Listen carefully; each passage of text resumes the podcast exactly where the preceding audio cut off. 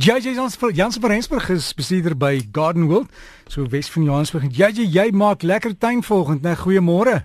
Môre môre Dirk Janie, definitief. Wat kan ons kan mense nou doen in so lekker wintersonnetjie hier wat al klaar uit sy kop uitsteek? Hmm. Sê my blom julle boslelies al.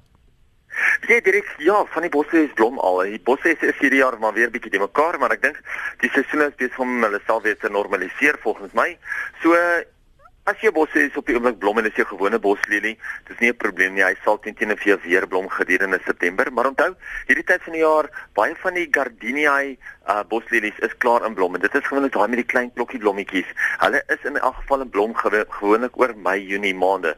So hulle is heeltemal normaal dat hulle nou moet blom, maar die gewone groot ene, ja, interessant, baie mense sê vir my hulle boslelies blom, blom al pragtig. Uh dit is te vroeg, maar hulle gaan teen teen weer blom. Engelse sout in die tuin JJ, waarvoor gebruik ons dit? Engelse sout is eintlik net minerale. So mense moet nie net op Engelse sout staat maak nie. Engelse sout kan mense altyd gebruik as aanvulling tot ander kunsmisse, maar mense moet nie net op Engelse sout werk. As jy net met Engelse sout werk, dan gaan jy eintlik nie jou plante goed genoeg gevoer kry nie.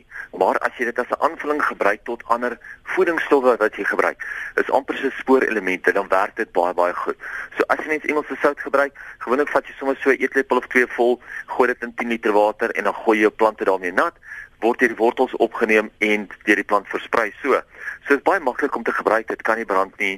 Uh party mense oordoen dit net. Besop om dit te oordoen want hm. jy dit kan ook net soveel doen anders se mors jy. Dan tuin maak die tyd van die jaar JJ. Kaap nog steeds, jy weet, as jy boorgat het, is jy miskien gelukkig, maar as jy nie het nie, is jou tuin daarmee heen, hè. Ja weet jy direk dis daar selfs beperkings op mense met boorgate en selfs mense met putte daaronder in die Kaap ook. So dit is 'n baie baie groot probleem en ongelukkig ja, ek sien die weerkaart wys hom nou dat daar 'n bietjie reën oor die Kaap val of dat dat dit lyk asof die reën wel oor die Kaap kan val. Ek wag net die mense vir ons bietjie foto's weer plaas op Facebook om te sê die die, die reën het toe wel gekom vir die Kaap want ek het nou nog nie regtig foto's daarvan gesien nie. Maar op hierdie stadium moet jy maar net probeer om jou plante aan die gang te hou. Dit is regtig baie baie moeilik en ek verstaan dit.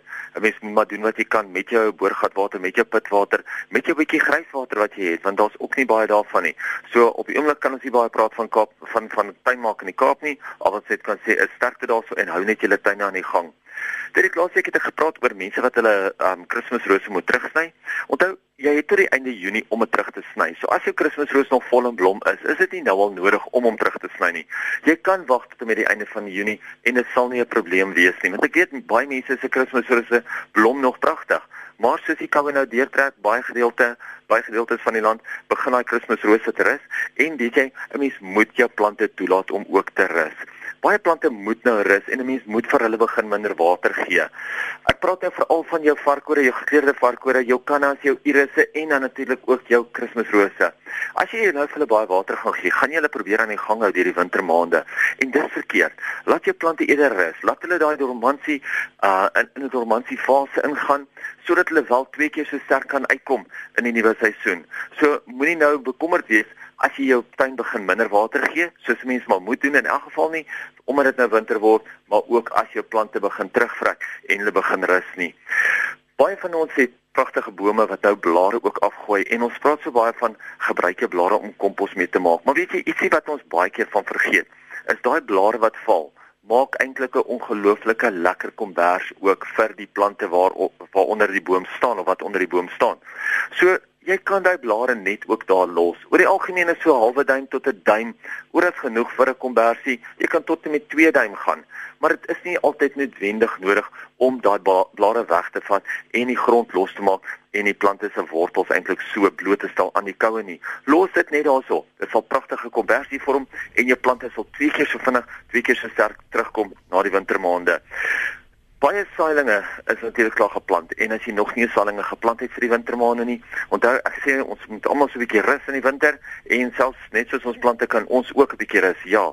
Maar kry net vir jou 'n paar wintersaailinge en plant dit 'n bietjie kleur.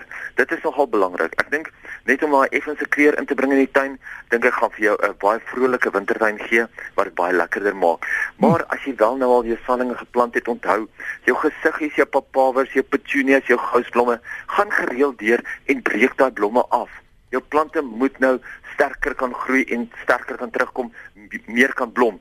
Voer hulle terselfdertyd, maar gaan deur en breek gereeld af. Vir al die blomme wat afgaan, hulle moet gereeld afgebreek word.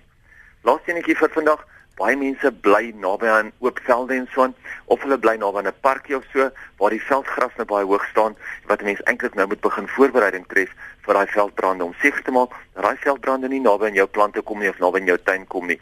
Dit is baie maklik, jy hoef nie nou voorbrand te gaan maak nie, maar gaan net verby en gaan sny net daai gras baie kort wat naby aan jou rand van jou erf is, want so gaan jy keer dat daai baie groot vlamme in jou rigting kom. Probeer eerder om dit kort te sny, hark dit weg en maak seker dat as die brand in jou rigting sou kom, dat dit baie laag is en dat jy dit maklik kan beheer.